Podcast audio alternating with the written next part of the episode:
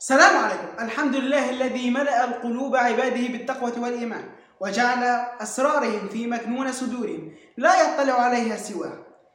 وألزمهم بعبادته وطاعته ورزقهم البركة.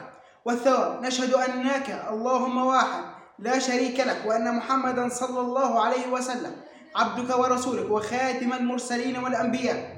الحمد لله خالق الأرض والسماء سبحانه نفخ الروح في آدم وعلمه وألقى عليه الأسماء وجعل الملائكة تسجد له ومسكنه الجنة له فيها بقاء وأخبره عن الرجيم وحذره بشرور ألد الخصام والأعداء وجعل الأرض دارا لأبنائه وذريته وجعل ومن إمارات رحمته بهم أن أرسل لهم المرسلين والأنبياء. نسعد ويمتلئ قلبنا سرورا أن نقدم إليكم الموضوع شيقا متنوع التفاصيل والمعلومات يسعدنا على اتساع مداركنا حول ديننا العظيم وبصفة عامة وقصة آدم عليه السلام أبو الأنبياء وهو ما سنتحدث عنه تفصيلا بصفة خاصة. فهذا هو الموضوع الذي سنتحدث عنه في أول حلقة في رمضان رمضان 2023 وكل عام وأنتم بألف خير بمناسبة هذا الشهر. الفضيل الشهر البركة والخيرات وعد الله علينا وعليكم بكل صحة وأمان فاشترك في القناة وفعل جرس التنبيهات على القناة الجديدة. والقناة هذه اللي حنقدم فيها إن شاء الله خمس حلقات في رمضان. فاشترك فيها وفعل جرس التنبيهات ولا تنسى الضغط على زر اللايك وتفعيل جرس التنبيهات وهي حسابات القناة جميعها موجودة أمامك على الشاشة وكمان تحت في صندوق الوصف. فاشترك في القناة وأيضا تروح تابعنا على جميع حسابات الشخصية. وخلينا نبدأ بأول حلقة من حلقات رمضان 2023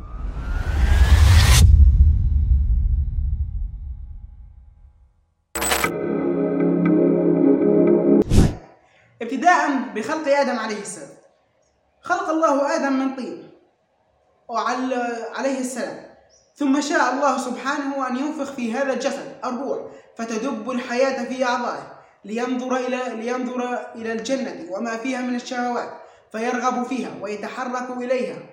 قبل أن تصل روحه إلى رجليه. وقوله تعالى خلق الإنسان من عجل. بعد سريان الروح في كامل جسد آدم عليه السلام علمه الله الأسماء كلها التي عجزت الملائكة عن معرفتها كما طلب منه الله سبحانه أن يمر على الملائكة ليسلم عليهم. بقوله السلام عليكم.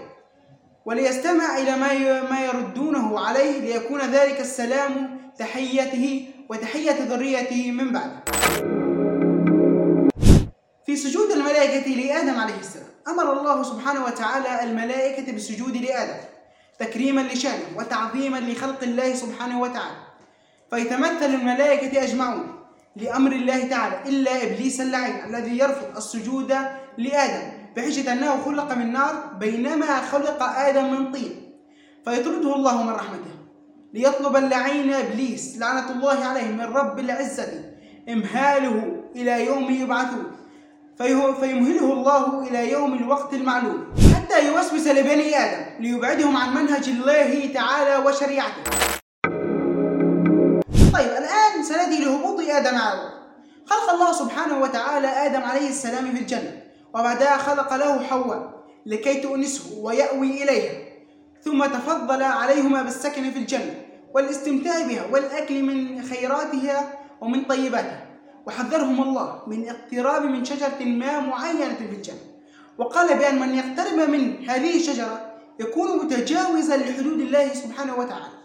قال تعالى قلنا يا آدم اسكن أنت وزوجك الجنة وكلا وكلا منها رغدا حيث شئتما ولا تقربا هذه الشجرة فتكونا من الظالمين. ولكن الشيطان اللعين من حسده وغيظه من آدم وحواء لم يكف عن الوسوسة لهما بالاقتراب من هذه الشجرة والأكل منها وحلف لهما وادعى أنه ناصح أمين لهم وأن هذه الشجرة حرمت عليهما لأنها مميزة والأكل منها كفيل بتحويلهما إلى ملكين وجعلهما خالدين في الجنة. أبدا. فأكل من هذه الشجرة التي حذرهم الله تعالى منها الأكل منها. وبدأت لهما عوراتهما وأخذ يسترها من ورق الجنة فكان ورق الجنة لباس آدم وحواء. ومن بعد ناداهما الله سبحانه وتعالى قائلا أنا محذركما. من هذه الشجرة ومن وسوسة الشيطان وأنه عدو لكما في قوله تعالى ناداهما ربهما ألم أنهكما عن تلكما الشجرة وأقل لكما وأقل لكما إن الشيطان لكما عدو مبين. وبعد ذلك أهبط كل من آدم وحواء وإبليس على الأرض وأخرجوا من الجنة. وأمر الله تعالى آدم وحواء بالبقاء في الأرض والاستقرار فيها والتمتع بما فيها إلى حين قيام الساعة ليتم إخراجهم ومحاسبتهم. قال تعالى قال اهبطوا بعضكم لبعض عدو ولكم في الأرض مستقر ومتاع إلى حين. قال فيها تحيون وفيها تموتون ومنها تخرجون. بعد أكل آدم عليه السلام من الشجرة أحس بتأنيب الضمير وندم على معصيته لأوامر خالقه جل وعلا. وبادر فورا بالتوبة إلى الله سبحانه وتعالى وإعلان ذله وخضوعه له على عكس ما فعله إبليس اللعين من تكبر وتمرد. وطلب آدم وحواء من ربهما عز وجل أن يتوب عليهما وأنهما مقران بفعلتهما وندمان عليها. فقال الله تعالى قال ربنا ظلمنا أنفسنا وإن لم تغفر لنا وترحمنا وإن لم تغفر لنا وترحمنا لنكونن من الخاسرين. قبول الله لتوبة آدم. بالرغم من عصيان آدم لأوامر الله سبحانه وتعالى إلا أن مصارعته بالندم. والتوبة إلى الله عز وجل. أدت إلى قبول توبة الله تعالى عليه. قال تعالى ثم اجتباه ربه فتاب عليه وهدى. بل إن الله تعالى هو من أرشده لكيفية التوبة وإلى ما يجب عليه قوله في قول الله تعالى فتلقى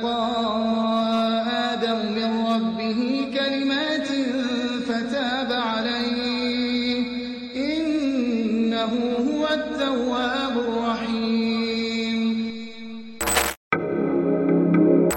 طيب أين نزل آدم وحواء على الأرض؟ كثير من هذا السؤال يتبادل للجميع أين نزل آدم وحواء على الأرض؟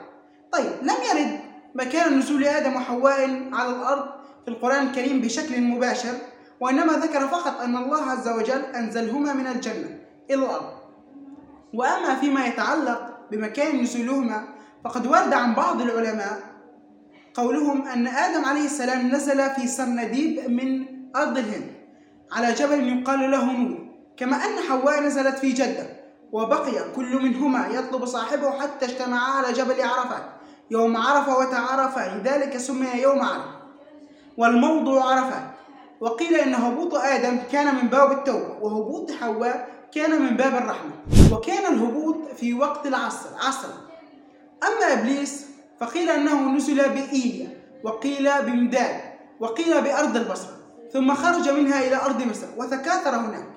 وقيل إنه لمن أنزل إبليس إلى الأرض جعل مسكنه الحمامات ومجلسه الأسواق وطعامه كل من طعام لم يذكر عليه اسم الله وشرابه كل مسكر وكتابته الوشم ورسله الكهن في هذه الفقرة ننهي هذه الحلقة من قصة آدم باختصار شديد. الحمد لله تعالى الذي نجحنا أن نقدم لكم حلقة طال انتظارها حول قصة آدم عليه السلام وكيف هبط إلى الأرض وكيف أخرج من الجنة ولقد قمنا بجمع بالمعلومات بالاعتماد على دستورنا الأول ومرجعنا الأول القرآن الكريم والسنن النبوية الشريفة والأحاديث الصحيحة وكذلك أهم الكتب والمراجع الإسلامية الموثوقة من أجل الوقوف على الرأي النهائي حول هذا الأمر. ونذكركم أن ما كان من نجاح وتوفيق فهذا من الله عز وجل وما كان من تقصير فهو من أنفسنا ومن الشيطان.